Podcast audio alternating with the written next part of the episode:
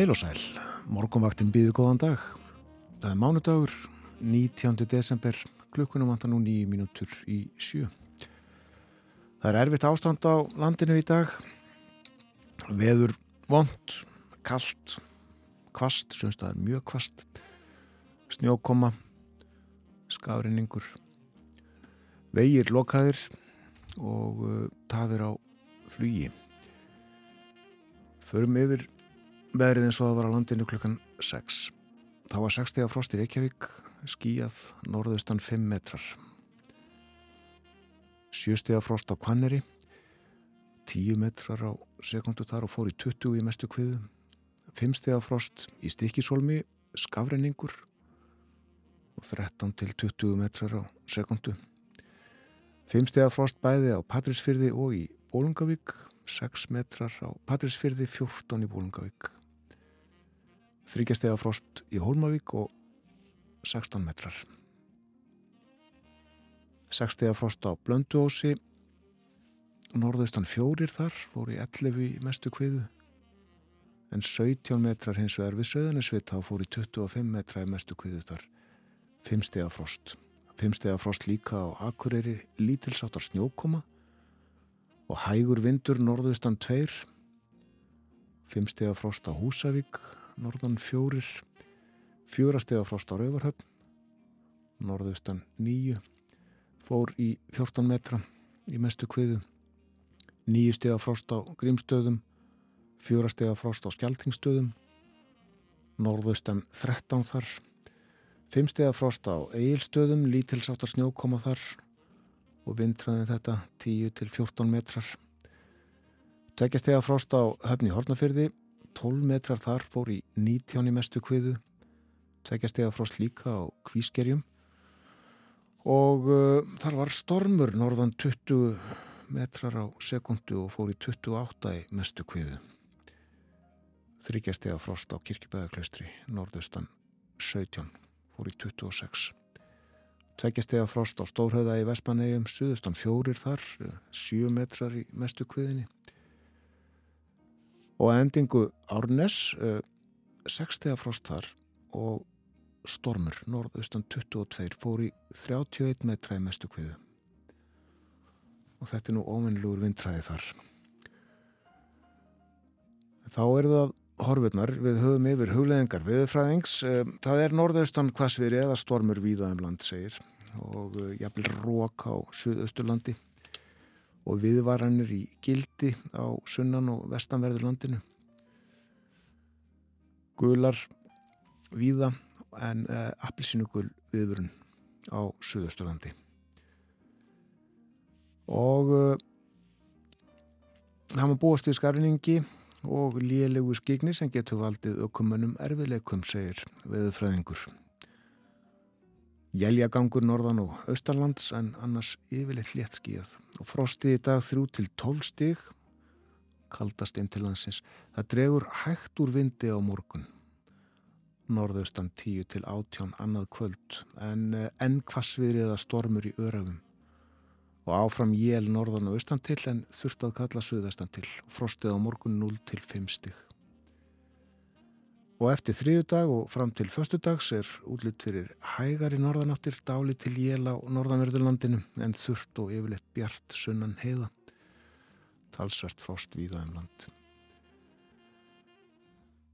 Og uh, þá er það tíðindi frá vegagerðinni sem tekur fram fyrst af öllu margir vegir geta lokað með stuttu fyrirvera í dag. Þá við um Suður og Vesturland og Reykjanesbrautin er loku sem stendur. En uh, það verður hafinn fljótlega fyldarakstur frá Hafnafjörði til Keflavíkur og líka frá Keflavík til Hafnafjörðar Helliseðin vegurinn um hanna er lokkaður einnig.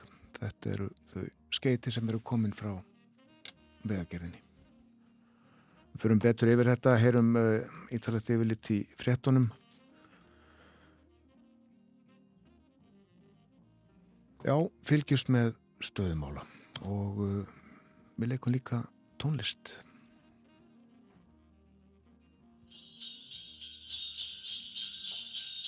Oh,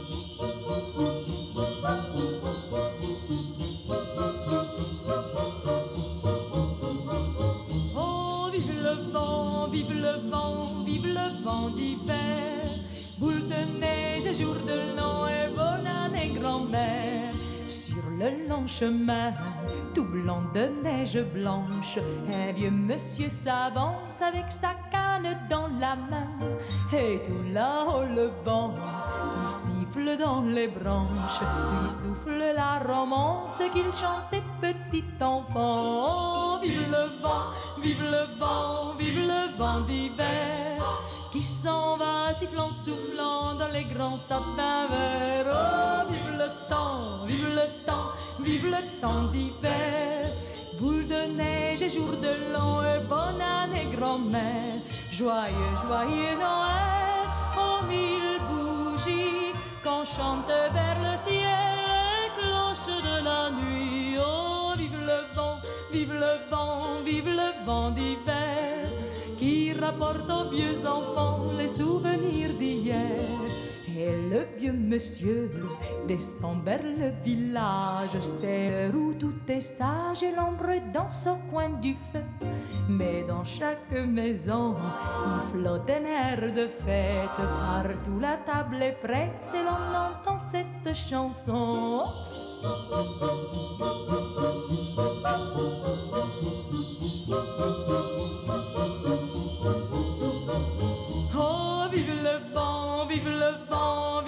Vent d'hiver. Boule de neige et jour de l'an et bonne année grand-mère. Joyeux, joyeux Noël, aux mille bougies qu'on chante vers le ciel, cloche de la nuit. Oh, vive le vent, vive le vent, vive le vent d'hiver. Boule de neige et jour de l'an et bonne année, grand-mère. Við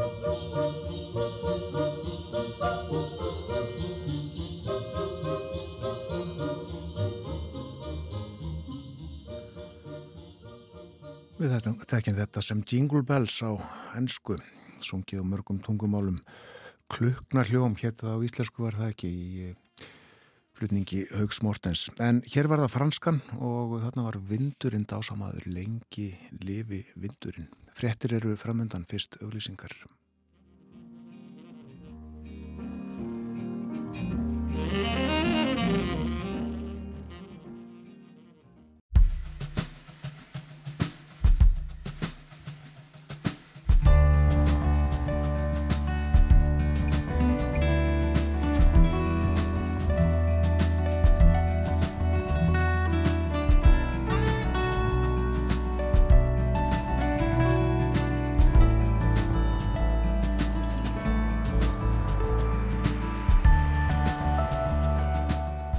Morgumvaktin helsar og býðu góðan dag. Í dag er mánudagur 19. desember. Það er orkukreppa í Evrópu, frambóð á megin orkugjöfum hefur dreyið saman og verðið rokið upp.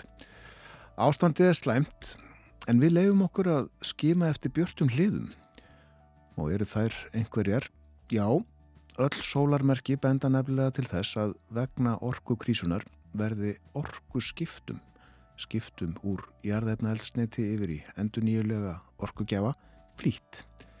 Við ræðum við Hildegunni Torstensson, jarðhittaverkfræðing og yfirmann hjá danska orkufyrirtækinu Inarki um tækifærin í krísunni. Nú verðum með okkur klukkan halv åtta. Stríðsregstur rússa í Úkrænu hefur nú staðið linnu lítið í tíu mánuði. Fá einum dögum eftir að innrásin hófst lagði Sindri Björnsson á flóta frá kænugarði á samt fjölskyldu.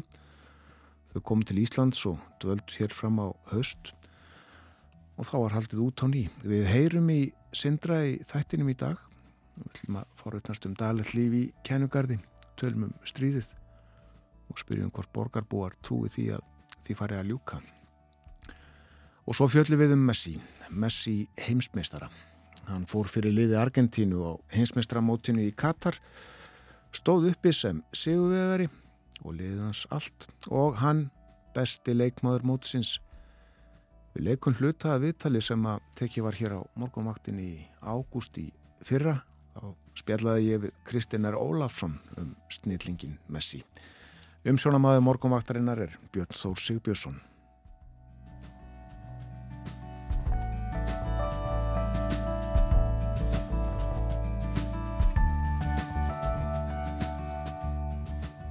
Hundleðilegt veður víða á landinu, kallt og kvast og snjókoma, skafrenningur og uh, stormur, raunar, sumstaðar, appilsínugul viðurinn í gildi vegna veðurs á Suðaustulandi og uh, gul í gildi fyrir höfuborgarsvæðið, Suðurland, Faxaflóa, Breiðafjörð, Vestfyrði, Östfyrði, Suðaustuland og Miðhálendið.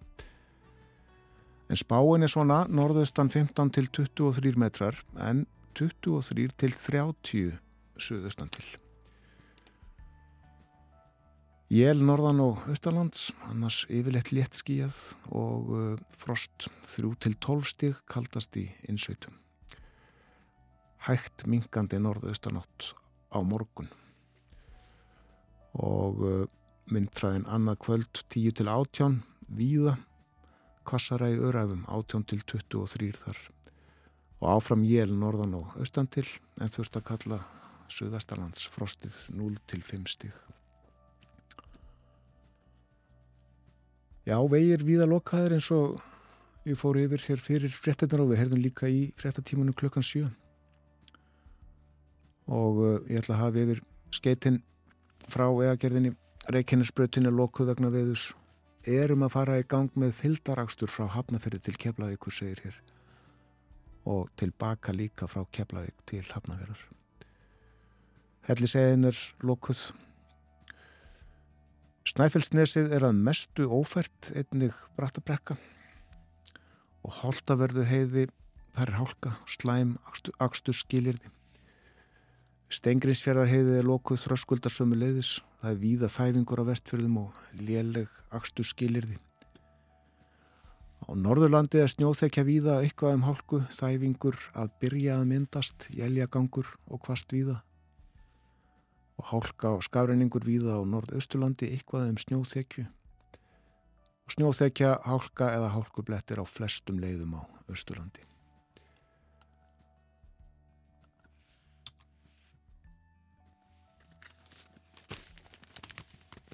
Við lítum á fórsíðu morgumbladsins og þar er á stóri mynd Lionel Messi með eh, stittuna sem að eh, eitt er heimsmeisturinn í fótbolta. Argentina lagði Fraklanda velli í gær í vítaspjörnukepni.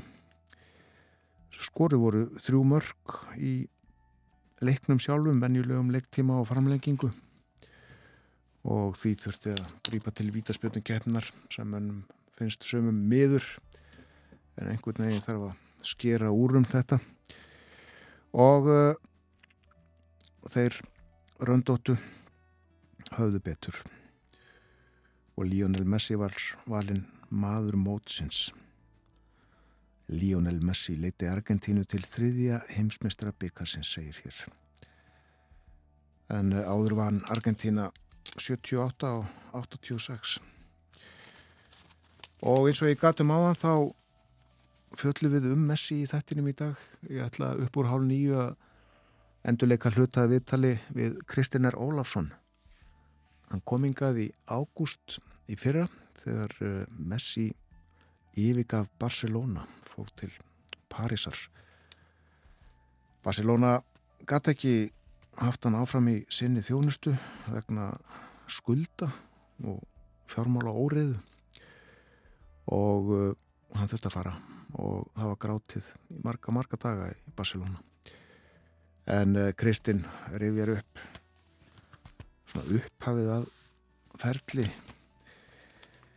þessa snillings sem að uh, fór bara réttum fermingu held ég með að segja frá Argentínu til Spánar. Og er núna hinsmestari loksins Nú það er fjallað um snjómókstur í Reykjavík á fórsíðu morgunblæðsins. Rætt við Einar Þorstensson, formann borgarás. Hann telvið að þurfið að ebla til muna viðbrað Reykjavíkuborgar þegar kemur á snjómókstri. Þetta sé mikilvægt aðgengismál fyrir alla borgarbúa. Og hann segir, mér finnst koma vel til greina að Reykjavíkuborg kaupi snjóruðningstæki sem geta sendt húsagötum samlega því að verktakar sinni snjómókstri á stoppbrötum og tengivegum inn í hverfinn. Viðbræðið við þessu áhlaupi hefur verið í samræmi við þann viðbúnað sem er til staðar. Það hafa verið á bylnu 9 til 21 tæki að móka götur og stíga frá því á fastudagskvöld. Efri byggðir hafa verið í forgangi en mér finnst vond að sjá fólk enn fast inn í götum sínum á þriðja degi. Það var alls konar ástand, eh, já, eh, óferði götum, bílar uh, í sköplum nánast eða komust ekki úr stæðum eða plönum út af ruðningum og svo að flughált á gangstéttum þykkur klaki myndaðist á götum og göngugötum miðbæðarins í gær, segir hér, fljúandi hálka á lögaveginum. Og spurður hvað ég að gera í því, segir einar borgaráðsformaður einfallega að það eigi að salta. Erfitt hafi verið að komast að til þess að saltaði gær. Erfitt hafi verið að fá tæki eftir því sem hann kemst næst. Menn voru ræstir út klukkan 6 í morgun, gerð morgun þar að segja, til að salta gutur borgarinnar. Nú, eh, svo er það leigubilsturar sem áformuðu að fara í verkvall í dag. Ég held að það átt að hefjast núna hálf átta. Og það er vegna óanægu með ný lög um leigubíla og leigubíla þjónustu sem voru samþygt á alþengi núna fyrir helgi allega það ekki verið gert bara á förstu daginn þá var síðasti starfstagur þingsins fyrir jólulefi og það er rætt hér við Sigþór U. Hallfreðsson hann er formaður blindrafélagsins.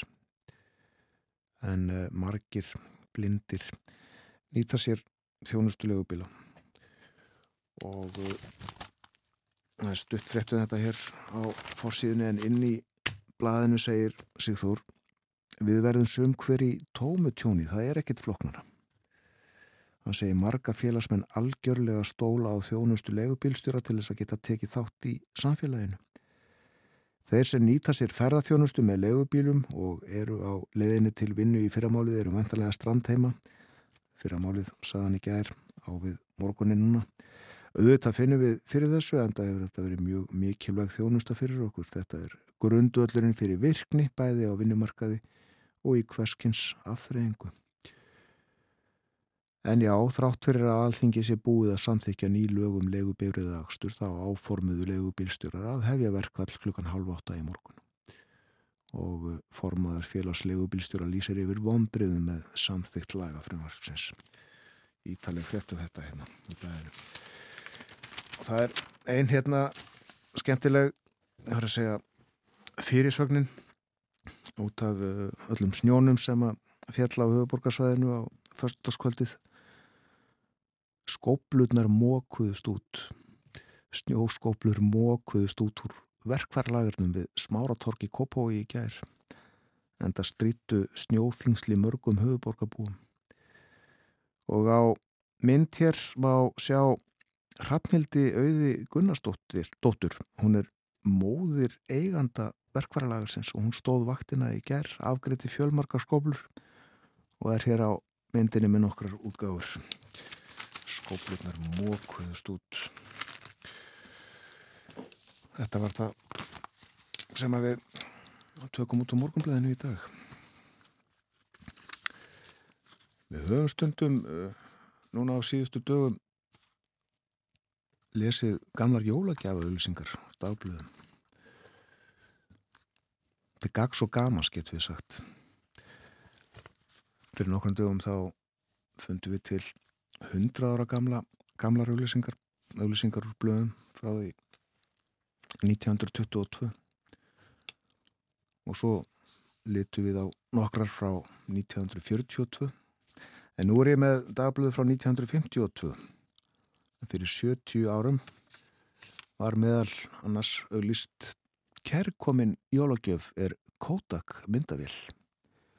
Á bráni vélina er hægt að taka andlilsmyndir og landslagsmyndir þótt skíjað sé.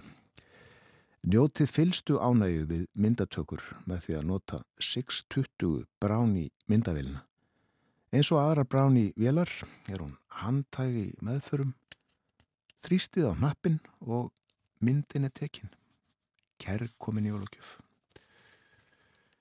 Jóla kjóla efni, nýsending tekin upp í dag, hverki fjölbreyttara úrval af síðdeis kjóla efnum við allra hæfi.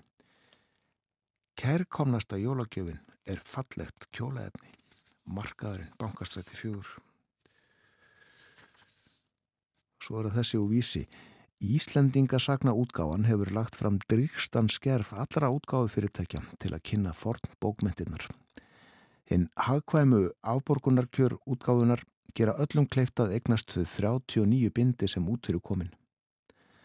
Handritin heim á hvert Íslandst heimili í handhægri les útgáfu er takmark Íslendingasagna útgáfunar.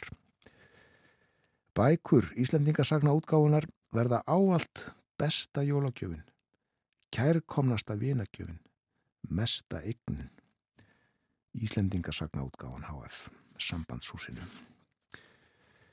Amirensk uh, plastikspill í settum, mjög heppileg og kærkomin jólagjöf, Vestlun Björns Guðmundssonar. Amerískar peysur tilvalin jólagjöf, Verslun Ingi Bjarkar Jónsson, Lækjargötu fjögur. Nýtt, nýtt, nýtt, dívan teppi í áttalitum og mörgum gerðum. Golfdreglar, 90 cm breyðir, margir litir, önnur litasamsetning á raungunni en á réttunni. Ullar teppin þjóðfrægu í fjölmörgum fallegum litum. Þegar þér veljið jólagjöfuna, þá hafið ofangreindar vörur í huga sem allar miða að því að auka hýbíla príði og skapa sameinlega gleði fyrir alla fjölskylduna. Ullarversmiðan gefjun. Nælon var líka auglist þarna 1952. Nælon tjull, fallegir litir. Innlitt, skíjað og sanserað. Taft í úrvali, veslun höfn. Ameríski nælon undirfatnaðurinn komin aftur, undirkjólar, náttkjólar, náttfödd, náttreyjur, millipils og buksur, tilvalin jólagjöf svona auðlisti Edinborg. En um næloni var skrifað í heimilistáttin í þjóðviljanum. Pistillin hófst svona. Engum blandast hugur um að Íslendingar klæðast nærfötum sér til skjóls en ekki skrauts. Það er því fáranlegt að flytja inn, framleiða eða selja flíkur úr efni sem getur ekki veitt það skjól sem það á að veita. Nælon hefur marga kosti. Fyrst má nefna að það er stert, bæði blökt og þurrt. Það drekkur ekki í sinni maður örlítið vatn og þornar fljótt. Nærföld þurfa að geta drukkið í sér raka frá líkamannum án þess að verða rök viðkomu. Til þess er ull best. Nærföld eiga að vera slæmir hittaleðarar til að líkaminn haldist heitur. Það er nælon ekki. Takið nælon pjötlu í lóan. Hún er köld, dregur hitan úr hendinni. Takið ullar pjötlu í lóan. Hún er hlý. Hún leiðir hitan ekki út í geimin. Nælonið ekki talið gott í þessum pistli. Við hlustuðum á jólalag sem sungið var á frönsku hér fyrir frettinar klukkan 7 og uh, leikum nú annað jólalag sem að flestir þekkja gerir ráð fyrir. Ekki þó kannski í þessari spænsku útgáfu. En uh, við raulum bara með.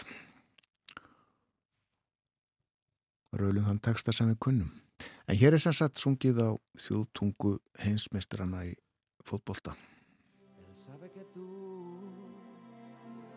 Te has portado bien, no debes llorar y te digo por qué, ¿sabes?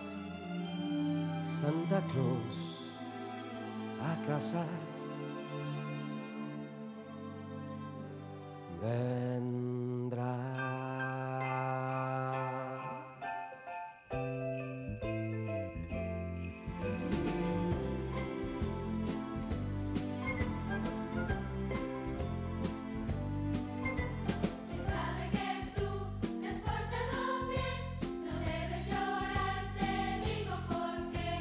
Santa Claus a casa vendrá.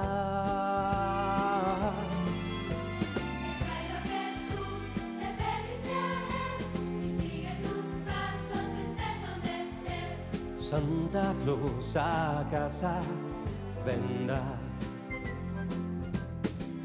Te mira cuando duermes y al despertar también no puedes esconderte porque él siempre te ve.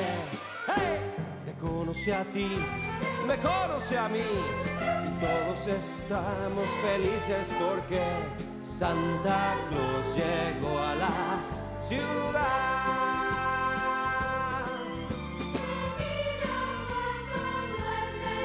Y al despertar también,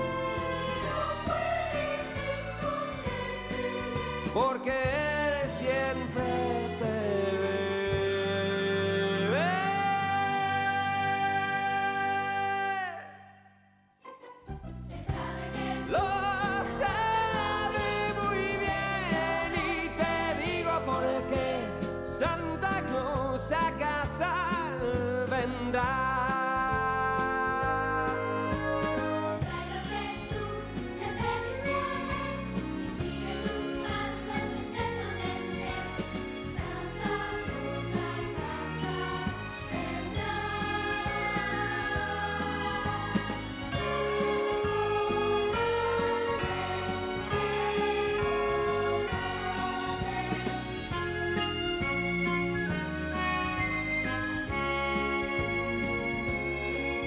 Te mira cuando duermes y al despertar también.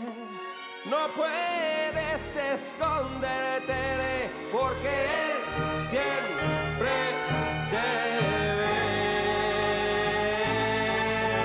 Te conoce a ti, me conoce a mí y todos estamos felices porque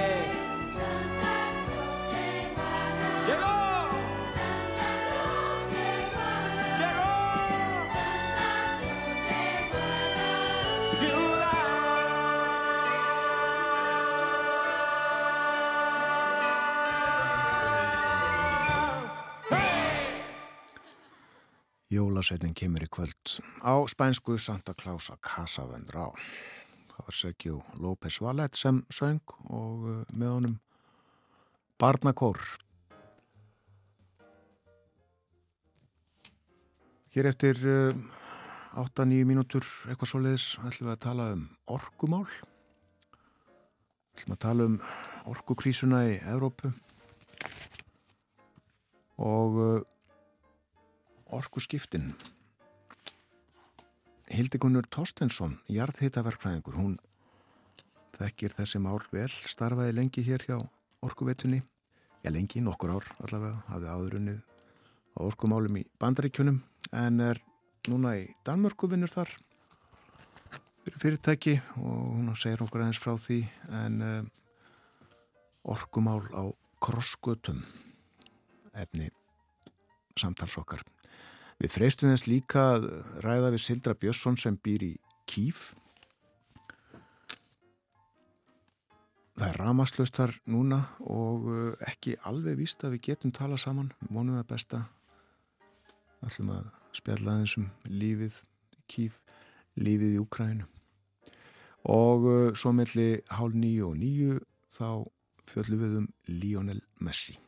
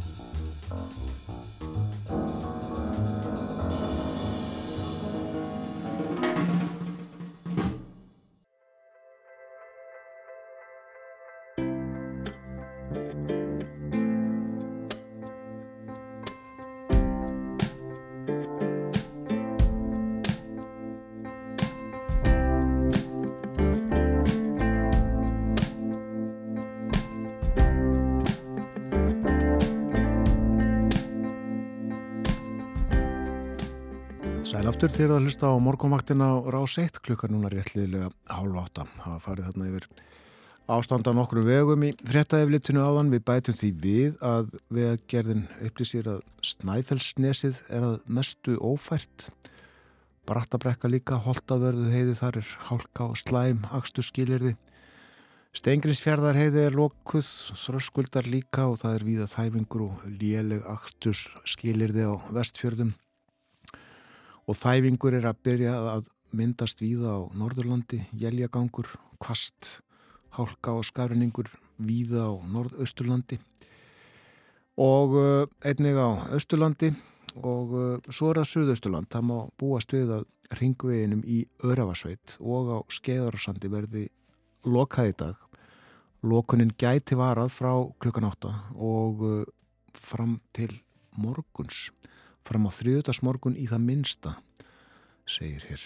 Og uh, Suðurland uh, það má búast við að veginnir undir Eyjafjöllum um Reynisfjall, Lingdalseiði Árborgarringurinn og milli Selfos og hveragerði sketi lokast í dag og það með stuttum fyrirvara vegna mikilsvinds, snarpra vindkviða og mikils skarnings og blindu.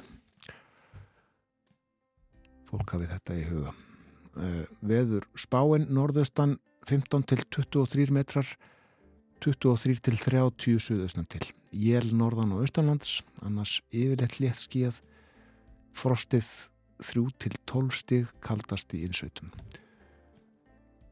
svona er þetta í dag.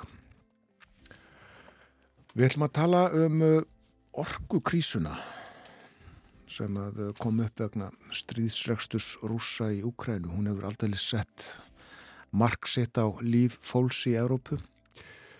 Samdráttur í frambóði á olju og gasi veldur gríðalegum verðhækkunum og sumstaðar skömmtun og ströngum reglumum hitastig og lýsingu. Við hér á Íslandi erum blessunarlega laus við þetta. Flest heimil eru kynnt með heitu vatni og rafmagnið okkar er framleitt með enduníjarlegum orkugjöfum. Orkumál á krossgötum var yfirskrift greinar sem Hildugunur Torstinsson, jarðhittaverkfræðingur, byrti á vísi fyrir fáinum vikum. Hildugunur var áður frangvataðstjóri hjá Orkuveitur Reykjavíkur, var þar yfir þróunasviðinu ef mann rétt, en starfar nú hjá dönsku fyrirtæki sem heitir Innargi. Eh, góðan dag, Hildugunur. Góðan daginn. Innargi, var það ekki rétt hjá mér? Jú, þetta, þetta er búið til af orðunum inn og energi og til þetta er jarðhittafyrirtæki í Danmarku. Já, akkurat. Segð okkur aðeins frá þessu fyrirtæki hérna áður en við höldum lengra.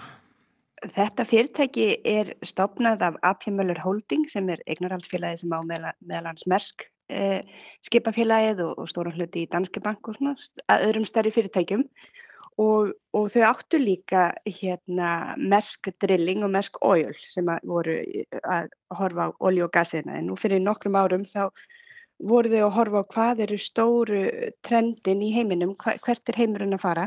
Og, og sá að, að, að, að hérna, olju og gas er ekki framtíðin heldur eitthvað annað. Og ákvöðu þá að selja bæði oljufyrirtækið og borfyrirtækið og, og var verið að ljúka að selja borfyrirtækið núna bara í haust. En á sama tíma þá gerðu þessi grein fyrir að þau voru búið, búið að stopna hérna mikið, mikið stórt, stóran yðna af sérfræðingum sem kunna kanna hérna hvað er undir jörðinni og hugsaðu getum við einhvern veginn búið til nýjan starfsvettbang fyrir þetta fólk hér í Danmarku og fóru að skoða jarðhitta og hvort að það væri möguleiki þó að Danmark er náttúrulega ekki þekkt fyrir eldfjöll eins og við heima þá, hérna, þá er samt oftast einhver, einhver hitti í jörðinni og, og þau kunnuðu þetta og sáu viðskiptulegan grundfell fyrir því og stopnuðu fyrirtækið, Energi. Uh, fyrirtækið er núna með sinn fyrsta samning í Árósum sem er önnur stærsta borg Danmarkur. Þar erum við að fara að bóra næsta haust eftir ég er þetta og munum vera með svona 20% þegar allt er uppbyggt, 20% af hitaveitunni þar. Já. Og svo erum við með rannsóknuleifi hér í Kaupmannahöfn og Kaupmannahafnarsvæðinu og erum í samninga við hitaveitunar hér, það eru nokkrar á svæðinu og erum svo að horfa til Evropu líka. Þannig að... En þetta er svona frum stíi í Damörku? Já, það, hef, það hefur verið borað og, og, og, og það er nýttur jarðhitti en í mjög litlum mæli og kannski eina af ástafanum er að hittastið er ekki heitt og heima, við erum að tala um kannski 60 til 80 gráður, 50 til, já, eitthvað sluðist og, og það er mjög samt hvort þú getur nýtt það beintin og kerfi. Það sem við ætlum okkur að gera er að taka vatnið upp og svo nota varmadælur til að hækka hitastíðið upp í 90 gráður sem er það sem að hitaveitu kerfi í árósum þarf til dæmis. Já, mitt. Þetta er spennandi og þeir eru bísna mörgir það ekki sem vinni hjá þessu fyrirtæki? Við, þetta er ört vaksandi fyrirtæki. Við erum núna um 35 og, og hérna og erum bara, erum að auðvisa alltaf eftir nýju fólki þannig að þetta er, þetta er, það er þörf á greitni orku í Európa núna þannig að við finnum bersinlega fyrir því. Einmitt það. Við uh, ætlum að tala já aðeins um þessa orkukreppu í Európu. Dragðu mynd fyrir okkur á því hvernig hún byrtist? Það er náttúrulega ef maður ferðast um Evrópu og er að tala sérstaklega og ef maður tala í hitta veitur eða ramarsframlýslu þá, þá var uh, stefna Evrópu að færa sig frá sko, kólum og, og, og öðrum hérna, skítugri uh, orkuframlýslu yfir í hreitni með því að taka skref í gegnum gas og það er búið að byggja svo mikið af orkuframlýslu Evrópu upp með gasi og, og, og ennþá eru plön með að, að skipta kólorkuverum út fyrir gas og til að minka svo mikið útblóstu við það. Svo, svo ræðist eh, Rúsland inn í Úkrænu og í rauninni slekkur á mjög stórum hluta þar með út af viðskiptaþingum og öðru eh, á þessari, á þessari þessu hérna, fram frambóði af gasi til Evrópu og svona kannski á, á heimsmæli hverja þá er framleið, orkuframleysla Rúsland svona um 5-6% af heimsframleyslunni en miklu miklu starri af því, því hérna, hlutfalli sem var í Evrópu. Og á í rauninni bara örfa á mánum það þurfti Evrópa og ákvað Evrópa þá líka ákvörðun af okkar halvu að, að hætta að nota rúsneska eins mikið og hægt er og skipta yfir í aðra orkugjafa Það þýðir að þú þarfst að ná í gas eitthvað annar stað og til að þú getur í rauninni ekki bara byggt orku vera á einni nóttu eða halda áfram breyta plönum um að loka kólorku verum, uh, skoða aftur plönum kjarnorku ver sem átt að leggja niður og svo framvegis. Og það var náttúrulega mikil hreyfingi að færa Evrópu til grænni vegar en þetta hefur bara einhvern veginn ítt á bensinnið þó að það sé ekki besta líkingin í þessum, þessum máluflokki í þessum efnum. Nei, einmitt. Hvernig er ástandi í Danmörku? Í Danmörku fundum við alveg sérstaklega mikið fyrir þessu seinasta haust. Það var, það var svo mikil óvisa ámörkuðum. Engin vissi hvort þetta er harður eða mildur vétur og, og, og ekki komin vissa um hvar var ég hægt að ná í gas og það var mjög mikil hækkun á bæði gasi, gasverði og líka raforkverði. Það var, ég var að sjá, ég er með breytilegt verð á mínum ramarsreikningum, en ég var að sjá sömu tölur á ramarsreikningnum á, á kilowattstund hér og ég sé heima á Íslandi en munun er bara að danska krónan er 19 sinnum þannig að þetta var 19 sinnum meira en það sem ég var að borga heima Já. á tímabili. Núna erum við að tala um, þetta er lækkað aðeins, þetta er samt ekki, hérna, ekki komið einhvern veginn á, á, á, á hérna kannski alveg eðlan staði. Það er svona 25 sinnum við sólarhingin hvað ég myndi vera að borga fyrir ramagni heima. Og gasið það, það fór ennþá herra en, en er svona öruglega, það er að koma, það er að lækka afturverðið og komast á eitthvað svona aðeins meira jafnvægi þannig að fólki sé ekki að sjá fjóru sinum herri allafanna og, og meira hérna hittunarreikninga heima hjá sig. Já það ráði ekki, ráð ekki allir við það. Veitum ekki. Þetta eru, þetta eru, þetta eru meira í fjárhæðar en heima og, og, og það er alltaf hækkaði verðbolga öllum, í öllum löndum og, og svo þegar orkureikningan er hækkað um þetta, þetta er náttúrulega mjög erfitt fyrir mörgum heimili. Já. Er þetta heldur eða veistu meira eða minna uh, svona allstaðar í álfunni? Já, þetta er meira og minna. Það eru, þú veist, við erum með einhverjar eigur eins og svona eilönd innan Evrópu eins og Ísland Já. sem er, er sjálfum sér nægt eða notar aðra orkugjafa eða notar mikið kjarnorku eða eitthvað svo leiðis. En almennt séð þá er mjög mikið nota af gasi og rafmagni til að hita hús. Og, og þetta er bara alltaf að, að, hérna, að hækka mjög mikið. Og svo eru álöga á kólaða orkuverð, það er ástæði fyrir samt að það, það, það er verið að spórna við að skipta yfir frá kólum yfir í gasi til að benda heimilin í verði. Og þetta hefur alls konar áhrif, já, verðið ríkur upp, reikningarnir heiminn háir alveg og fyrirtækin eru líka öruglega mörg hverju basli. Við heyrðum bara sko, sko margir bakarar í, í Kaupanhof, Borgtór Argrímsson sem segir okkur tíðindi frá Danmörku hér reglulega, hann sagði að bakarar væri margir í miklu basli og bakari hefur lokað. Svo bara einhver dæmi séu tekinu Nákvæmlega og við getum ímyndaði stóra neðina sem er að nota.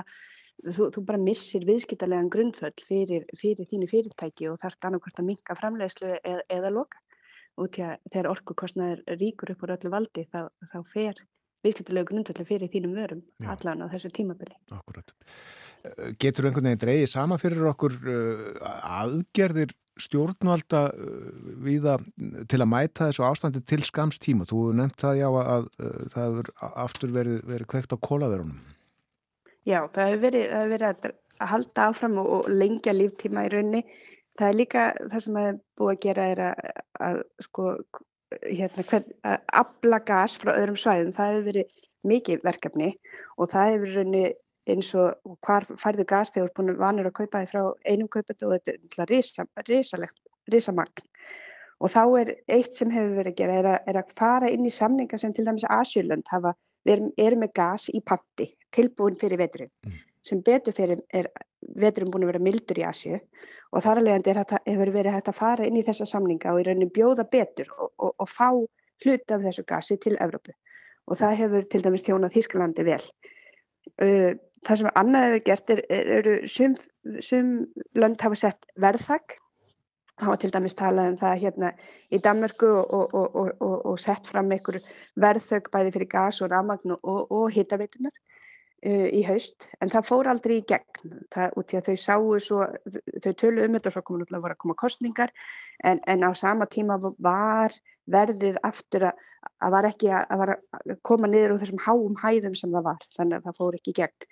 Þannig að það er svona aðeins mísjönd eftir Evropalöndunum en þau eru og, og Danmark er náttúrulega frekar vel sett með við önnurlönd uh, það er um, um 70% hér sem eru hérna e, sem eru hittu með endurniðinir orku. Já og þar með lífmassa eða biomass. En svo er Evrópussambandi núna að ennþá og var bara að leggja til uh, tillögur um, um verðug fyrir allt sambandið en það eru ekki náðust samningar einanum það meðal aðeldathjóðana.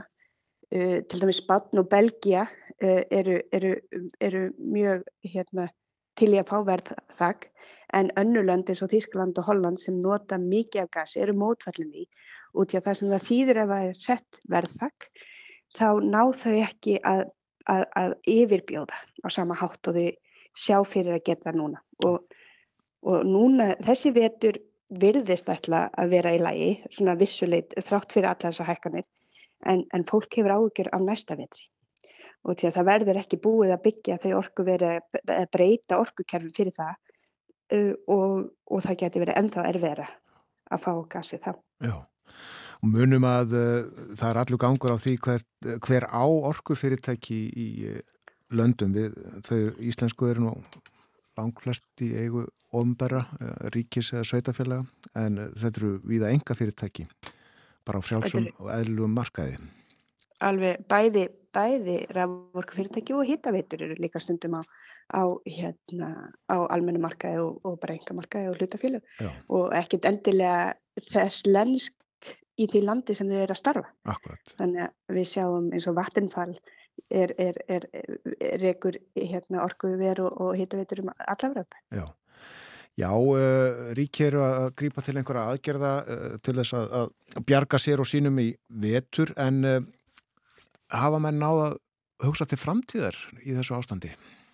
Já, það, það, maður finnur líka fyrir því að, að það er vakning sem fylgir þessu. Þetta, er ekki þetta er ekki martriðin sem við vildum fá til, a, til að vekja alla til, til vitundar um af hverju við viljum breyta yfir í staðbundari og, og sjálfbarari orkugjafa en orku öryggi hefur náttúrulega komið að miklu sterkari hátt inn í alla umræðu. Það var verið að umbreyta Evrópu yfir í, í grænu orku en núna er það ekki bara það græna sem að heillar heldur fólk sér svo skýrt hversu verðmætt það er að hafa orku öryggi og staðbundna orku og hitaveitur og hiti bara almennt er, er oftast staðbundin. Er, þetta eru framlýsluverð sem eru nálagt bæ, þeim bæjum og borgum sem eru í. Þú gæti verið að færa gasið og kóli, kólin að þeim stað en þetta er eitthvað staðar í kringum borgina, einhvers konar verð sem er að framleiða hita fyrir borgina, sérstaklega fyrir hitaveitur. Svo er, eða þú ert með bara einstaklingsbundin hitakerfi í húsum, þannig að þetta er allt svona á staðnum og, og þetta er í rauninni svona bleiki fyllin í, í orku, orku hérna, málum allstæðum heiminn sem er ekki búið að taka á og, og við í rauninni og Íslandi heppin að hafa breytt okkar kerfum, þetta var náttúrulega fyrir þann tíma sem við vorum í rauninni að hugsa um, um, um grænu orku en orku er ekki skipt okkur mála á þessum tíma þegar við breyttum yfir í hittaveituna og það er það sem er mikið að spila inn í núna. Og hittaveitur, sko sumar eru enga eigu en margar eru líka í, í svipuðum eignarhalsböndum og heima, eru, eru í eigu sveitafélag uh, eða, eða svæðistjórna á einhvern hátt. Já. Og Danir eh, farnir að hugsa um, um uh, jarðhitta og uh, er líklegt og veistu til þess að, að það er gert ví, víða í Evrópu? Já, það er í rauninni sko 50% af, af orgu nótkunn Evrópu fer í hittun og kælingu og þar af erum næst í 70% ennþá uh, einhvers konar hérna kól, ólíja eða gas þannig að, að nú er verið að hugsa ok, hvernig getum við breytt þessu? Og til dæmis Þískaland er, hefur sett öllum sínum bæjum og borgum eh, það mandeit að, að setja hérna, orkustrategíu fyrir hitun. Uh, þannig að það er ekki bara lengur verið að horfa á ramagnir sem var í öllum svona lands, lands hérna, stefnum heldur nú verið að horfa á hitun líka. Og maður sér þetta, þetta vera að gerast á fleiri stöðum. Og, og maður tala líka við þú veist, ég var að, var að tala við ungan pólkan mannum daginn og hann sagði mér þegar hann var í námi 2000 svona, frá 2010 til 2020 ekstar á þeim tímbili þá töluðu allir í háskólinum hans bæði hérna, nefnendur og profesorar um að endur nýjanlega orka væri bara hérna, mýta. Þetta væri eitthvað sem myndi aldrei gerast. Já. og það er ekki lengra síðan en þetta og, og, og Póland var náttúrulega kallaði sig Carbon Kingdom svo þekkt fyrir sína hérna, jarðefna elsneitis framleiðslu og, og stolt af þeim þeirri sögu.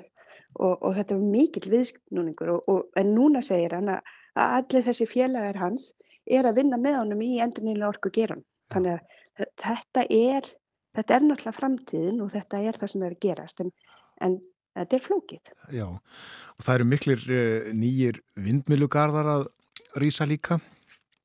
Já, það er, maður sé mikið það er náttúrulega vindur og sól munu spila mjög mikið hlutverk líka, meiri sé að sól hérna í Norður-Európa, það er ekki alveg afkallt í Danmarku í okkur í dag, það er tvær gráður en, en, en, en það mun samt svo, maður sé samt sólur orkugarða hér og sömulegði sem alla Európu en það er mjög líklegt að svo orka farið mitt í að knýja þann yðnað sem er hérna. Við erum eftir að snúa við öllum orkukerfum heims, ég heyrðum daginn tölu að að það sem að þarf til að, að, að hérna, sólar og, og orku og vindorku til að knýja skipaflutninga innan á heimsvísu eru 15.000 megawatt og, og, og hérna, 1500 gigawatt og það eru svo að ef við setjum það eitthvað samengi við það sem til dæmis á Íslandi það eru framleitt 2 gigawatt þannig að 1500 eiginlega bara næstu í 1500 sinnum það sem er gert á Íslandi bara fyrir skipa flutninga eðnaðin og, og, og, og maður sér ekki, það er ekki hérna, ef, sko, bandaríkin eru 400 gigavött núna, þannig að það er bara e, tæplega eitt hriði af þessari tölu, þannig að hvar við ætlum að byggja, ég gerir ráð fyrir að við munum byggja mikið af þessari svona, hérna, þessari orku annar staðar, þar sem fjarrri í rauninni stæstu byggðum og því að þar þurfum við að nota allt svæði til að búið til rafmagn fyrir þann innað og, og þau borgir og bæir sem eru þar. Já, Já uh, þetta eru stór mál, aldelis. Þetta, þetta eru það og allt um líkjandi og, og, og ég held að eftir því sem við skoðum náttúrulega betur og förum meir, meiri dýftin í þetta sem er það sem við höfum þurft að gera og erum kannski, við byrjum á rafmagninu þegar við byrjum að horfa og hvernig ætlum við að breyta orkukerfunum okkar En nú sem betur fyrir erum við farin að horfa á líka hitun, við erum farin að horfa á yðnað, við erum farin að horfa á hvernig getum við framleitt með minna kolumnispori. Þannig að þetta er, þetta er, og bæir og borgir eru farin að huga að því hvernig þau geta gert sinn hlut og fyrirtæki. Þetta er komið um, út um allt okkar samfélag. Þetta hljóta að vera býstanspennandi tímar fyrir jarðhita verkfræðinga. Þetta er mjög skemmtilegu tími. Man, man, ég hef verið í þessu næst í 20 ár og, og, og byrjaði eins og sagðir áðan í bandaríkjunum. Og þá á þeim tíma þá var hérna, hérna Bush fórsiti og, og þá mátti maður aldrei tala um að maður ætlaði að koma ykkur áframinn í kerfinu. Þá talaði ekki um Sagt, hérna, loftglasáhrifin, það var ekki vinsalt í þeirri pólitík. Og þá talaði maður alltaf um hins vegar orku öryggi, það er alltaf skipt bandar ekki máli í öllum þeirra málum. Já. En svo núna sé ég og týr en það er góðið sambandi að, að, að það eru núna bæði málin á dagskraf sem er afskaplega og það er náttúrulega bæði sem skiptir máli, orku öryggi og, og sjálfbar orka. Akkurat. Já, þú starfaðir í stjórnsýslinu, varst í ráðunæti eða ekki í bandaríkjum? Jú, ég var í bandaríska orkumálaráðunætinu sem horfið mikið á rannsóknir í, á öllum sviðum uh, orku. Já, er, er, og, og þar í landi sem sagt verið að hugsa um þessi mál uh, alveg eins og í Európu? Það er verið að gera það og hitt hittun að komast aftur og komast eða á kortið en, en, en bandaríkin er miklu lengra í land meðan það eru eiginlega yngar hittaveitur af ráði í bandaríkinum. Það eru miklu, miklu minni. Ef það eru í borgum þá er það kannski bara alveg í miðbænum. Hita hérna, stjórnsísluhúsin og einhver hús þar í kring. Svolítið eins og við byrjum með hitaveitunni hjá okkur í Reykjavík. Uh, eða, eða háskóla kampusar, þeir eru oft með hitaveitur. En, en, en það er náttúrulega með hérna, stóra endurníðanlega orku frumvarpinu sem fór í gegnum þingið í bandaríkinu núna í haust, þá er mjög mikil hreyfing þar líka á mörgum sviðum og gaman að sjá það Já Við látum þessu spjalli lokið, það var gaman að heyri þér Hildigunnur og fáum kannski að tala við aftur senna. Endilega, skilja hvað ég heim. Hún er komin í loftið njóttu dagsins. Takk skumulegis. Hildigunnur Torstinsson, hún er jarðhættaverkfræðingur og stjórnandi hjá dönsku jarðhættafyrirtæki sem heitir Innarki og uh, það er í eigu Apja Möller. Ég las grein eftir hildikunni sem byrtist á vísi fyrir mánuði kannski eitthvað svo leiðis. Eh, orkumál á krossgötum var yfirskrift hennar. Dætt í huga ræða við hennar í framhaldinu um orkumál stöðuna í heiminum, engum í Evrópu þar sem ástandið er jú eins og það er og hún rakti ágætlega. En framöndan eru fréttir, fáum þær á slæginu klukkan 8 og eftir þær þá freistu við þess að ræða við Sindra Björnsson sem að býr í Kív í Úkræninu. En uh, það er ekki alveg vist að við getum það að vera bara að koma í ljós. Uh, það er ramaslöst hjá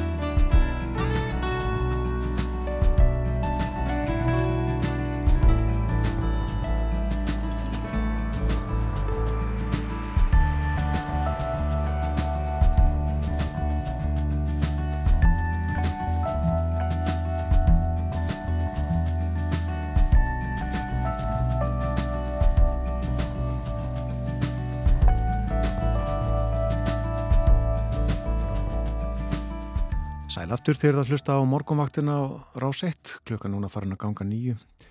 Það er mánudagur 19. desember.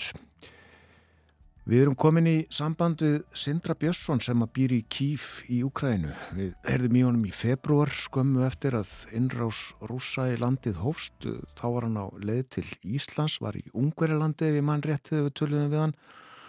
En í höst snýri hann tilbaka og ættið að vera hér. Góðan dag, Sindri. Góðan daginn.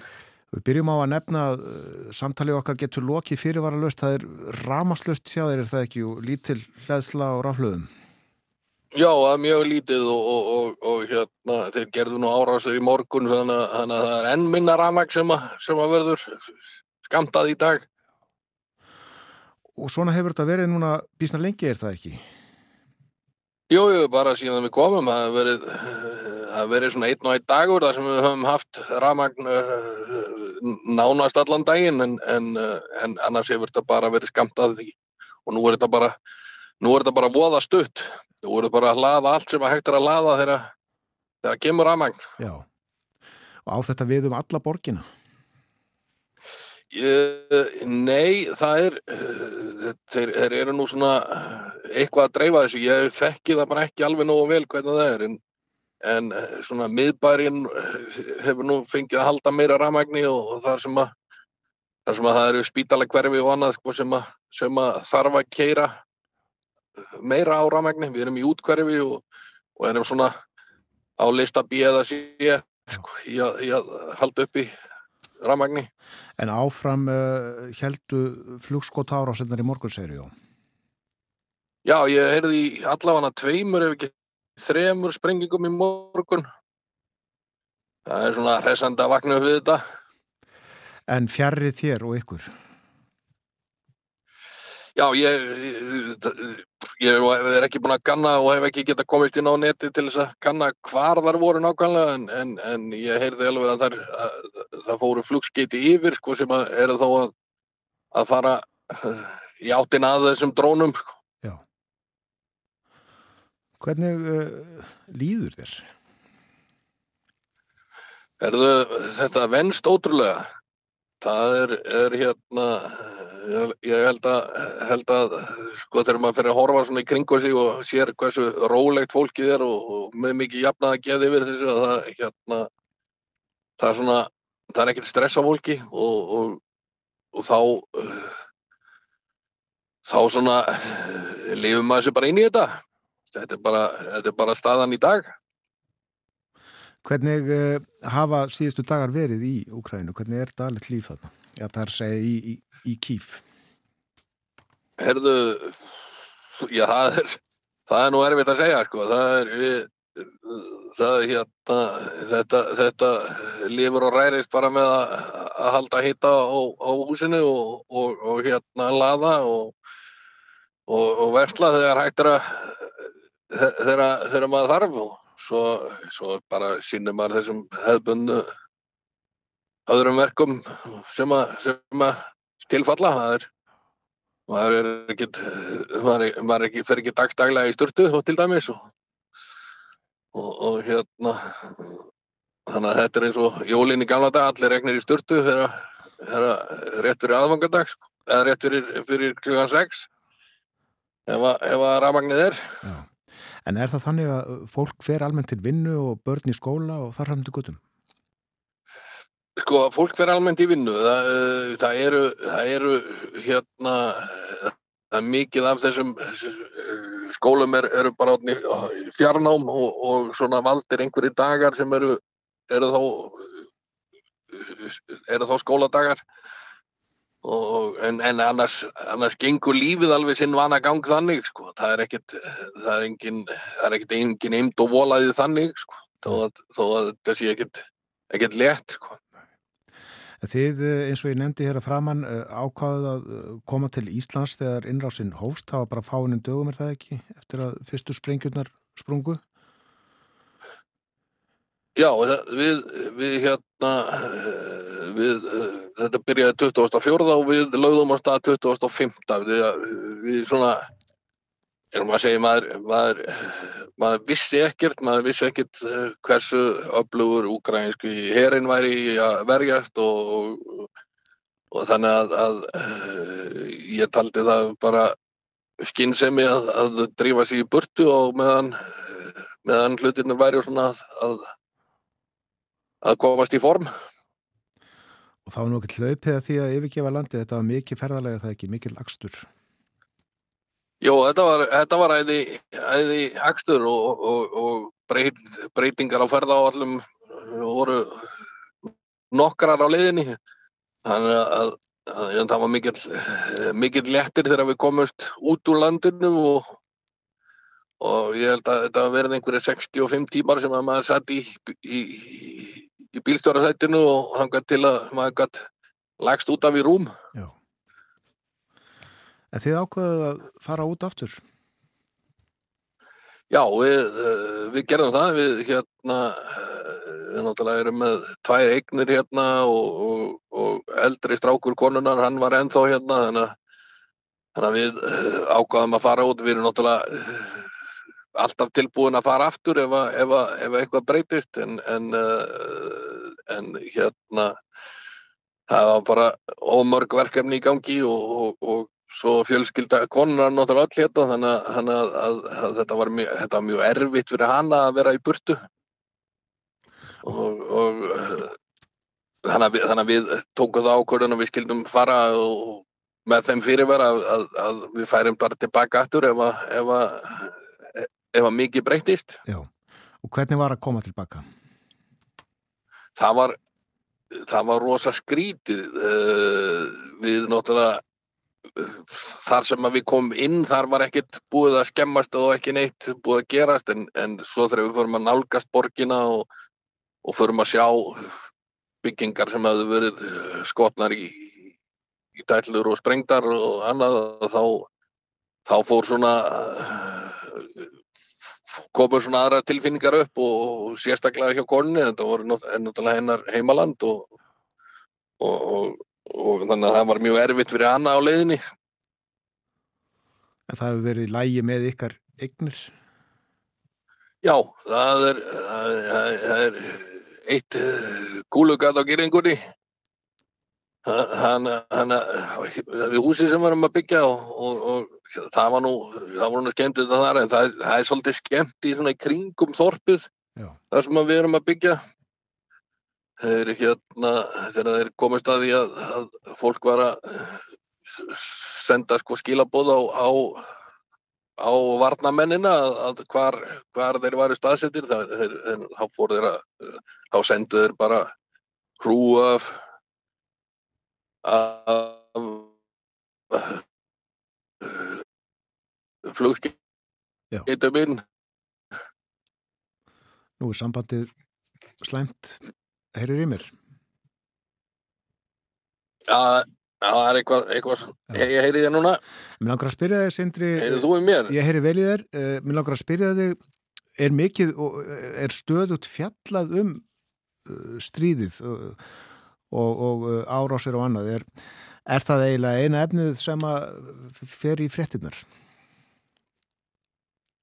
Heyrðu, sko, þar sem að við eh, höfum óaðalega takmarkaðan aðgangu að rafmagni þá, við, þá fylgjast við nú meira með þessu bara á netinu og, og þá er þá er, þá er mikið það er mikið upplýsingaflæði í raun og veru um hvað er að gerast og og, og, og annað sem að, sem að hægt er að komast í sem að, sem að við eh, leitum ekki eftir á, í sjónvarpinu til dæmis því að, því að það virka nú bara svona svona endrum og eins. Eh, þannig að við hefum meira nota netið og, og telegram og annað sem að, sem að þeir eru með.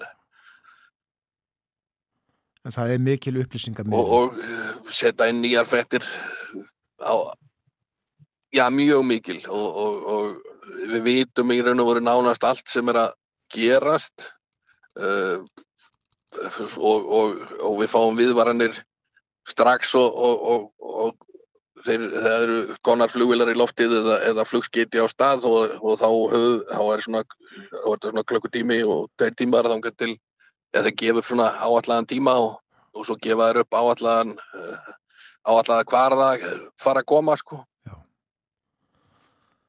Þá gerir fólk rástafanir, kemur sér í skjól ef það þarf.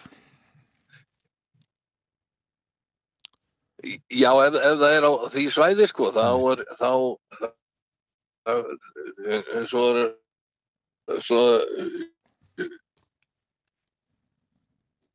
svo eru loftvarnarflautur og annað sem að fer í gang og ég, ég segi sem betur fyrir þá voru við ekki nálagt neina orkuveri og ekki neina, neinum stöðum sem eru mikilvægir en hættan er alltaf að það sé skoti niður dróni eða flugggeiti nálagt þessum, þessum svæðum og, og maður veit aldrei hvað gerist þegar þið falla niður. Akkurat. stendur ennþá? ég, ég er hér ennþá, já, mér langar bara við förum að ljúka þessu trúir fólk í Úgrænu því að, að þessu fari að ljúka brálega Uh, fólk í Úgrænu uh, er frekar bjart sínd á, á, á, á sigurinn. Uh, hvort sem, það trúið í að þessu ljúki fljótlega eða ekki, það er, er hérna, ég held að séu voða fáir sem að, sem að, sem að vilja fara samningaleiðina upp á að tapa því sem að þeir, eru, þeir, þeir vilja náttúrulega fara að semja um og, og, og yfirtaka það sem þeir hald, það sem þeir, eru búin að ná uh, Úkrænu fólk uh, það er ég held, að, ég held bara að það vilji ekkit gefast upp, það vilji bara klára þetta og, og, hérna og, og semja svo þegar restin er búinn sko, eða þegar, búið að íta þeim frá þeim svæðum sem að þeir tóku í viðbútt Já. Og þjóðin stendur En- þéttið bakið á, á selenski fósetta. Já, já, já, hann, hann hérna, það er, hann er úr næfiráðinn, sko, það er ekkit, þannig, þannig séð, sko, það er ekkit, það, hann, það ba, bara, sko, bara það að hann fór ekki neitt, að það skiptir öllu, fólki er að, er að berjast fyrir eitthvað. Fólk, hann, hann, það er, og, og vaninn hér, sko, í, þess, í þessum austantjaldslöndum að, að, þá er, þá er nú, það er nú ekki konur og börn fyrst hjá þeim, það er yfirleitt, yfirleitt eh, stjórnmálamenn og, og fórsetar sem að yfirgefa skipið fyrstir, en, en í þessu tilviki var það ekki og, og þá hérna, þá er fólk, þá, þá er það virðingavert og, og fólk er tilbúið að, að, að fórna fyrir það. Við látum þetta verða loka orðin Sindri, eh, þó ég vildi gladur spjalla við áfram, þá kann ég ekki við að nota þetta litla rafmaks sem að þú hefur á símániðinum. Þakka þér kærlega fyrir samtalið. Þetta var lít, hann lítið, ég, hérna, við bara pröfum seinna. Við pröfum setna, já, endilega. Bless, bless. Bless, bless.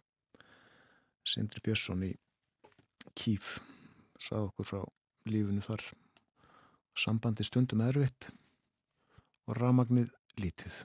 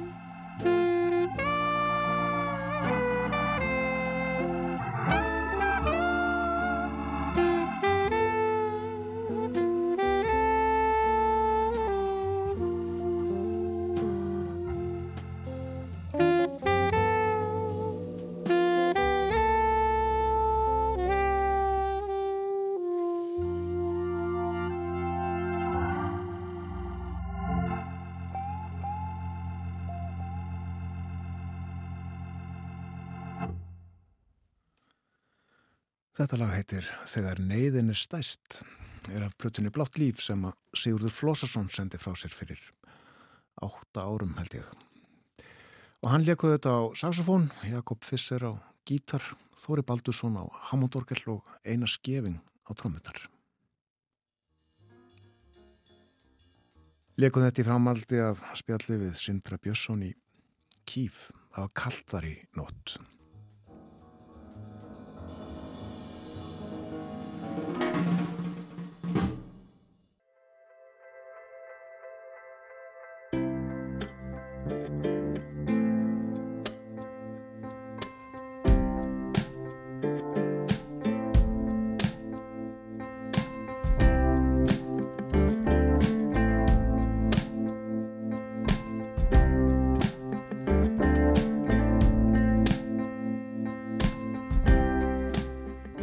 Aftur þegar það hlusta á morgumaktina á Rás 1 klukkan réttliðlega hálf nýju það er mánudagur í dag 19. desember Já, margir vegir lokaðir, eh, nokkur taldir upp í fréttaeflitunni hér áðan en Snæfellsnesið er að mestu ófært vestan við vatnalið eh, annars er hálka og bröttubrekku holtaverðu heiði og víðar en eh, slæm axtu skilirði eru á Vesturlandi og Vestfyrðir það er lokað á Steingriðsferðarheiði, Þröskuldum, Dinjandisheiði og Klettsálsi, Víða er þæfingur og versnandi axturskilirði og það er hálka og skafræningur og jæljagangur víða á Norðurlandi. Og uh, sama er að segja um Norð-Östurland og snjóþekja hálka eða hálkublettir á flestum leiðum á Östurlandi og uh, það er búið að loka veginum við Kirkjubæðaklaustur og Östur að Skaftafelli Á öðrum leiðum eru axtur skilirði slæm, ekkert ferðaveður. Og lokunin þarna á Suðausturlandi, hún geti varað fram til fyrramáls í það minsta. Og uh, það má búast við að veginnun undir eigafjöllum um Reynisfjall, Lingdalseiði, Árborgarhingurinn og milli Selfoss og hveragerðis geti lokast í dag með stuttum fyrirvara. Þetta eru tilkynningarnar frá vegagerðinni þennan morgunin.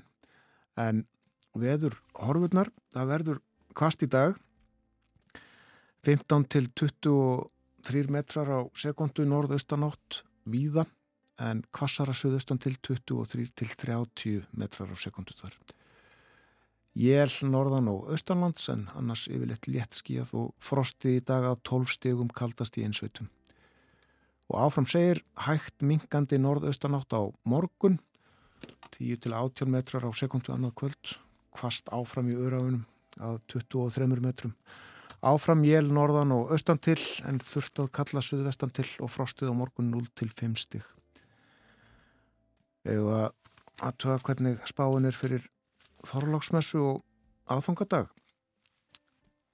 Á Þorláksmessu verður norðalega átt og bjartað mestu en skíjað og lítilsáttar jél við norður og östuströndina og það bætir í jélum kvöldið og frostið 7 til 15 stig. Og áfangadag breytileg átt snjókoma norðan og austan til en annars stöku jél talsvert frost um allt land. Og jóladagur útlitt fyrir norðlæga átt og dáli til jél í flestum landslutum áfram mjög kallt í veðri. Veður horfurnar fyrir daginn í dag, morgundaginn, aðfangadag, þólásmessi og, og jóladag. Þetta var um það. Ég saði frá því hér fyrir morgun að greini frá því á fórsíðu morgunblæðsins að leigubilstjórar eru konur í verkvall. Stóð allavega til í gær. Það hefja verkvall núna klokkan halv átta. Ég reyndi að ringja í reyfileg en það svaraði ekki. Og það eru þessi nýju lög sem að samþygt voru frumvarp til laga um leigubifrið akstur. Það var samþygt á alþingi á förstu daginn og í frétt á stjórnaráðsins segir að markmiðið með lögunum já það er að tryggja gott aðgengi að hagkvæmri skilvirkri og örugri legubifriða þjónustu, neytendum og þjónustu veitendum til hagsbóta. Og þá er lögunum líka ætlað að tryggja að Íslenska ríkið uppfylli þær þjóðréttarlegu skuldbindingar sem það hefur undirgengist samkant samningnum um Evrópska efnaðasvæðið auk þess sem lög og reglur um legubifriðar eru færð til nútímalegra horfs. Og það er vitnað hér í innviðar á þeirran, Sigur Inga Jóhansson, hann segir með samþitt þessa frumvarps þá er verið að auka fjölbreytni þjónustu, auka val fólks til þess að hafa möguleika á að stunda legubílaagstur í hlutastarfi og þar með aukast líkurnar á jafnari kynjaskiptingu í stjettinni. Falliði frá skildu ríkisins að legubifriðastjórar verði að hafa starfið af, af aðal atvinnu og þá munum gilda sömu skýliri fyrir erlendar farveitur og þá sem eru hér á landi. Með nýju lögunum mun aukast sveianleiki og frelsi þeirra sem starfaði stjettinni sem og annara sem vilja stunda í hlutastarfi. Í morgunblæðinu er fjallaðan um þetta og uh, rætt við Daniel Einarsson, hann er formáður bandalags íslenskra legubílstur og hann uh, segir við óskuðum eftir því að það erði hlustað á okkur að því að við þekkjum afleðingarnar af, af svona breytingum og það er liggja fyrir í nágrannlöndunum. Það er ennverð að vinna í því að ná þeim tilbaka eftir að lögunum var breytt og þau tóku gildi. Hörmungarnar komu strax í ljós. Það er misjöp þjónusta og mikil vöndun á þjónustu. Þjónustan bregst við þá hópa sem minna mega sín að því að menn vilja hafa þetta þægilegt og gera þetta með annari vinnu. Og áfram heldur Daniel þegar menn eru sveltir út á markaði eða vinnan er ekki nægileg til að abla tekna eftir ekstrakostnað, þá fara mann einfallega í aðra vinnu. Ætlið þú að hafa þetta í hjáverku með annari vinnu því það þegar fólk þarf að komast í vinnu og skóla þá eru bílarnir ekki til staðar vegna þess að bílstjórnarnir eru að fara sjálfur í sína eigin vinnu. Og áfram segir hann ímislegt í samtali við morgunblæðið. En uh, þessi nýju lög sem uh, samþýtt voru á fyrstu dag þau taka gildi 1. april. En þá er komið á umfjöllunum Messi, Lionel Messi, mistara Messi, hann var hinsmistari í gær, fyrirliði argentíska landslýsins. Í eh, ágúst í fyrra, 2021, þá verður breytingar á högum. Messi, hann uh, þurfti að yfirgefa Barcelona, félagi gæti ekki haldið honum, hann hafi verið þar frá því að hann var 13 ára, en uh, það var mikil fjármála óreiða hjá félaginu, skuldirnar óheirilegar og uh, félagið þurfti og var gert held ég hreinlega að, losa sig við hann. Og hann fór til Parísar. Ég fekk eh, Kristina Ólafsson til þess að koma á morgunvaktina og spjalla um Messi, segja frá honum. Ástæðan auðvitað svo að þegar hann var fréttarittari útas í Madrid þá saðan margar fréttir af Messi. Og uh, við skulum hlusta á hluta af þessu viðtalið þetta byrjar á ingangi eh, fyrst smá stefbútur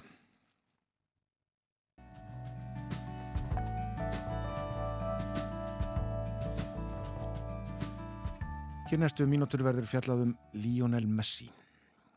Marki segja að uh, hans er besti knaspinumæður allra tíma. Hann var enn á Barts aldri og búsettur í borginni Rosario í heimalandinu Argentínu þegar í ljós kom að þar fari mikið efni og óvönjulegir hæfileikarnir spurðust til Barcelona þangað fluttið hann 13 ára. Messi hefur glatt knaspinu unnendur um allan heim, eh, allra mest auðvitað stuðningsmenn Barcelona Þeir gretu því þegar spurðist í síðustu að félagið gæti ekki haldið honum lengur í sínum röðum vegna skulda og án Eva gráta einhverjir ennþá. Messi sjálfur gret. En uh, það er leiðið París. Messi leikur með uh, Parísaliðinu PSG næstu árin. Kristinn R. Ólafsson þekkir vel spænska þjóðasál og hefur í gegnum áratýjina haft annað augað á fótboltamönnum, fótboltastjörnum. Uh, Við munum auðvitað fréttunar hans úr spænsku deildinni hér í útvarpinu á árum áður. Velkomin á morgunvaktina, Kristinn. Þakka þér fyrir. Já, við ætlum að spjallaði Messi og fókbólta og spænska þjóðasál en eh, eigum við ekki svona íslenskum gömlum góðum síð að byrja á að rekja ættir snillingsins?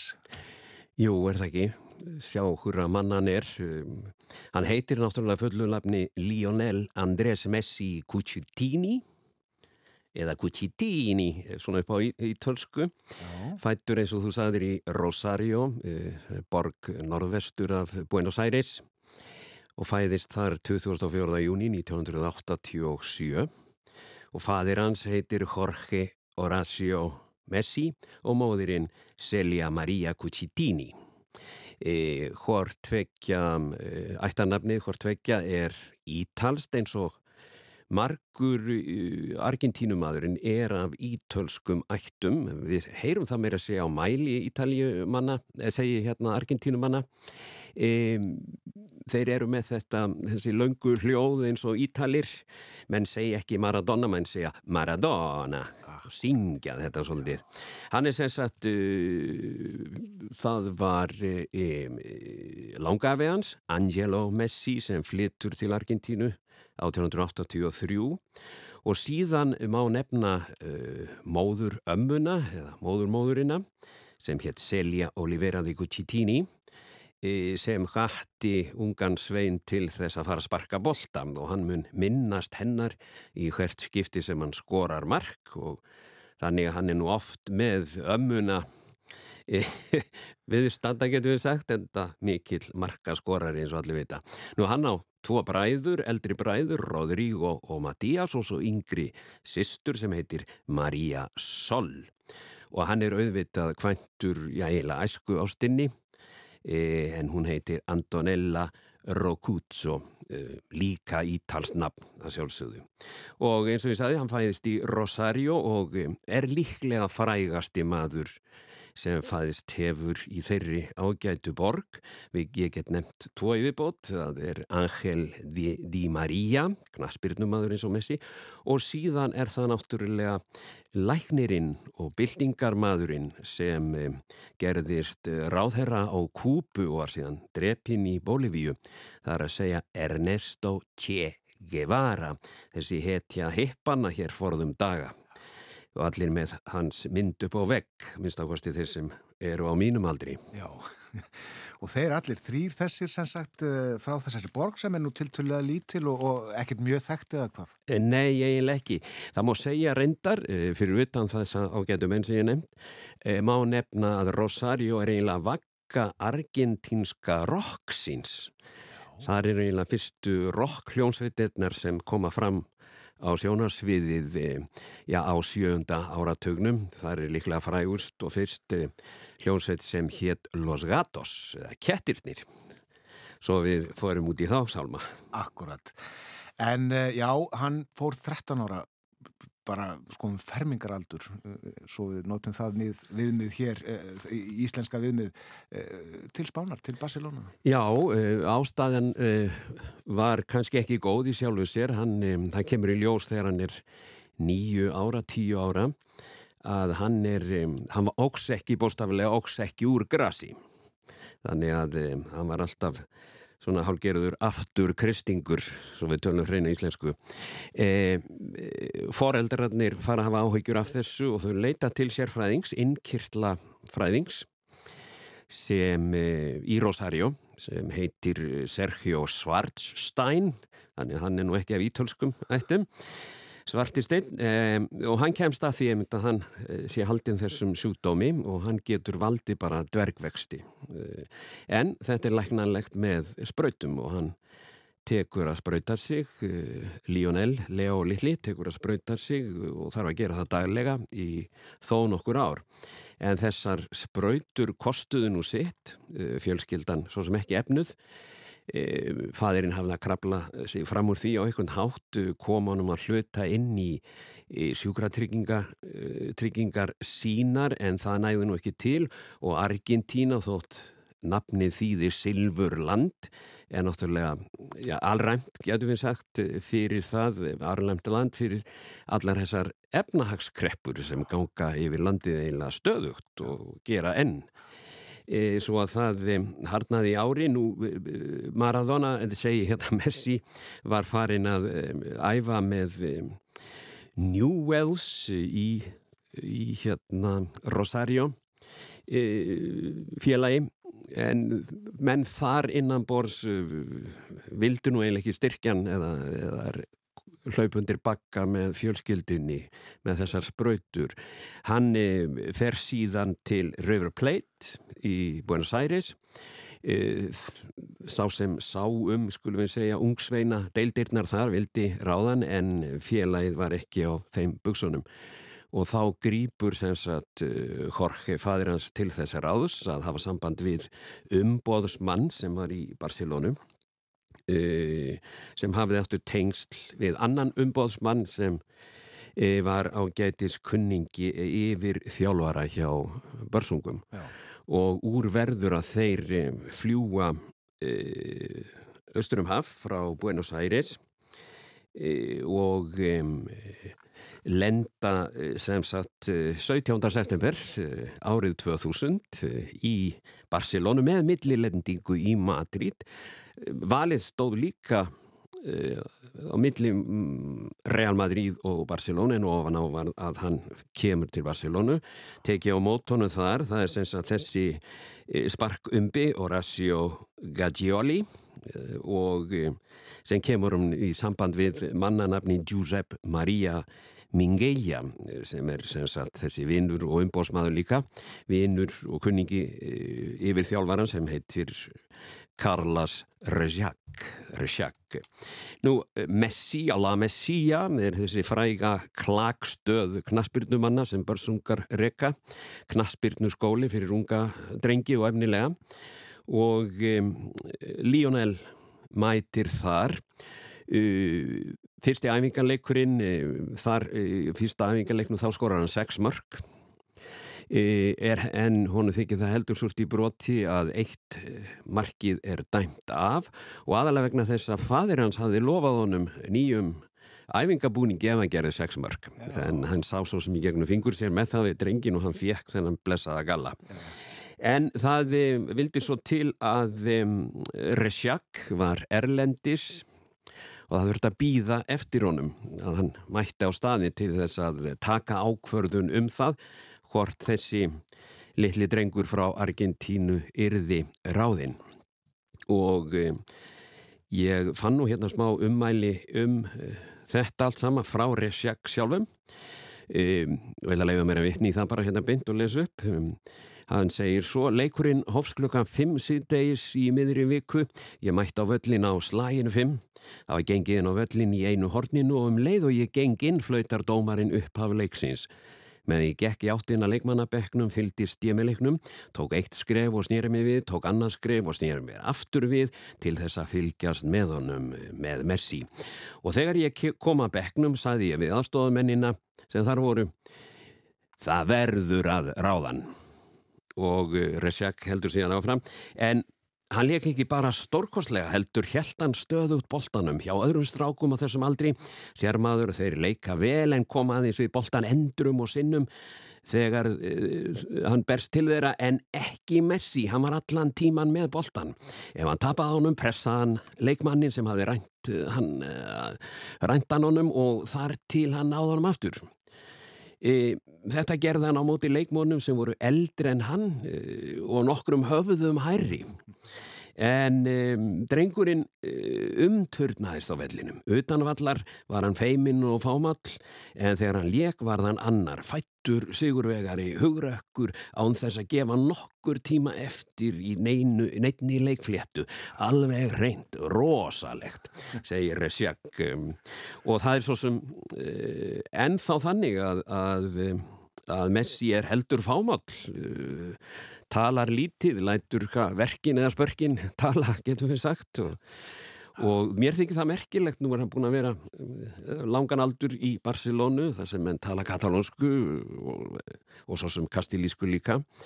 Ég hef aldrei heyrt hann eh, segja eða tala eh, ofinberlega á katalónsku. Hann hlýttur að skilja hana ég minna það er lítill vandi fyrir spænsku mælandi eða kastilísku mælandi menn að, að skilja katalónsku og leggja sig aðeins eftir því. Ég held reyndar á, á bladamannafundinum á dögunum hann hafi sagt Viskal Barsa lengi lifi Barsa eða Barsungar. Já, já. En það hefur ekki tröfla stöðnismenn þó hann tala ekki katalónskuna. Nei, það verðist ekki vera. Þeir sjá í gegnum fingur sér með það. Þeir hafa aldeilis elskaðan og eh, ekki að ástæða lausu. Hann hefur þetta snillingur eins og við höfum nefnt hér, leik 520 leiki fyrir Barcelona og skoraði þeim 474 mörkaltík. Já, já hann hefur minnst ömmu sinnar oft, eins og ég segi. Mjög oft. En uh, nú er hann sem sagt farin. Uh, hann hefur bara leikið fyrir Barcelona, uh, fyrir utan þessi ár þegar hann var bara polli heima í Argentínu, en svo er hann auðvitað að spila með argentínska landsliðinu já, og já. við munum auðvitað sérstaklega vel leiki Moskvu sumari 2018. Já, já. Það var stórkonslega leikur og ég Eh, get svo sem sagt frá því þó ég tengist ekki mest í beint þá, þá er smá tengsl að það var útvarstöð í, í Buenos Aires um, Radio Candilo eh, sem hafði samband við mig nokkrum dögum fyrir leik. Svona eiginlega til að gera svona góðlátlegt grín að litlu köllunum í norðri og ég reyndi nú að verja hendur okkar og sagði Íslendinga ja, seiga í sinum og, og spáði meira segja jafntefni sem þeim þótti mjög undarlegt. Nú allir vita hvernig leikar fóru, eitt eitt og eh, að Messi, eða réttar að sagt íslenski markvarðurinn varði, skulum við segja, vita spyrnuna. Aldilis. Eh, og þá, tveimur dögum eftir þetta, þá hefur útarstöðin aftur samband við mig og spyr mér hvort ég get ekki sendið einhverja kveðju frá Íslandi. Uh, ég var þá stattur við Mývat með hópa spámveri með mitt og um, ég, þegar ég komið på hótelherbyggi þar þá klóraði ég mig nú í, í höstnum og svona velti vengum yfir í hvað ég gæti eiginlega sagt og átt að senda Whatsapp uh, söður til Buenos Aires. Þannig að ég, eftir að hafa klórað mér skallanum, sagði eftir farandi Kveðjur til Radio Candilo frá Íslandi, sigri rósandi kveðjur því að jafnteflið við Messi og félaga um daginn varð okkur sem sigur hrein unaðs sæla og þessi hönd markvarðar okkar sem varði vítaspyrnuna frá Messi var hönd Guðus, já hönd Guðus er orðin íslensk. Þetta er Kristinn R. Ólafsson sem talar frá Íslandi og allir vita svo sem hver hönd Guðus er, allir sparkarar. Hlustum á þetta á spænsku. Saludos a Radio Cantilo desde Islandia, saludos triunfales, porque el empate con Messi y compañía el otro día nos supo a triunfo, a gloria. Y esa mano de nuestro arquero que paró el penal a Messi era la mano de Dios. Sí, la mano de Dios ya es islandesa. Os habla Kristin R. Olafsson desde Islandia. Kristinn R. Ólásson á morgumvaktinni. Viðtal frá ágústmánuði 2021. Við rættum um Messi þegar Messi skipti frá Barcelona til Parísar og Messi varð heimsmystari í gær. Argentína er heimsmystari í fótbolta og Messi maður mótsins. Morgumvaktinni er lokið klukkan er alveg að verða nýju framöndan. Auðlýsingar og fréttir. Þáttunum verður á sínum staði í fyrramálið. Bjóðum góðan dag þegar klukkunum vantar tíu myndur í sjö. Þakkum samfélgina í dag. Verðið sæl.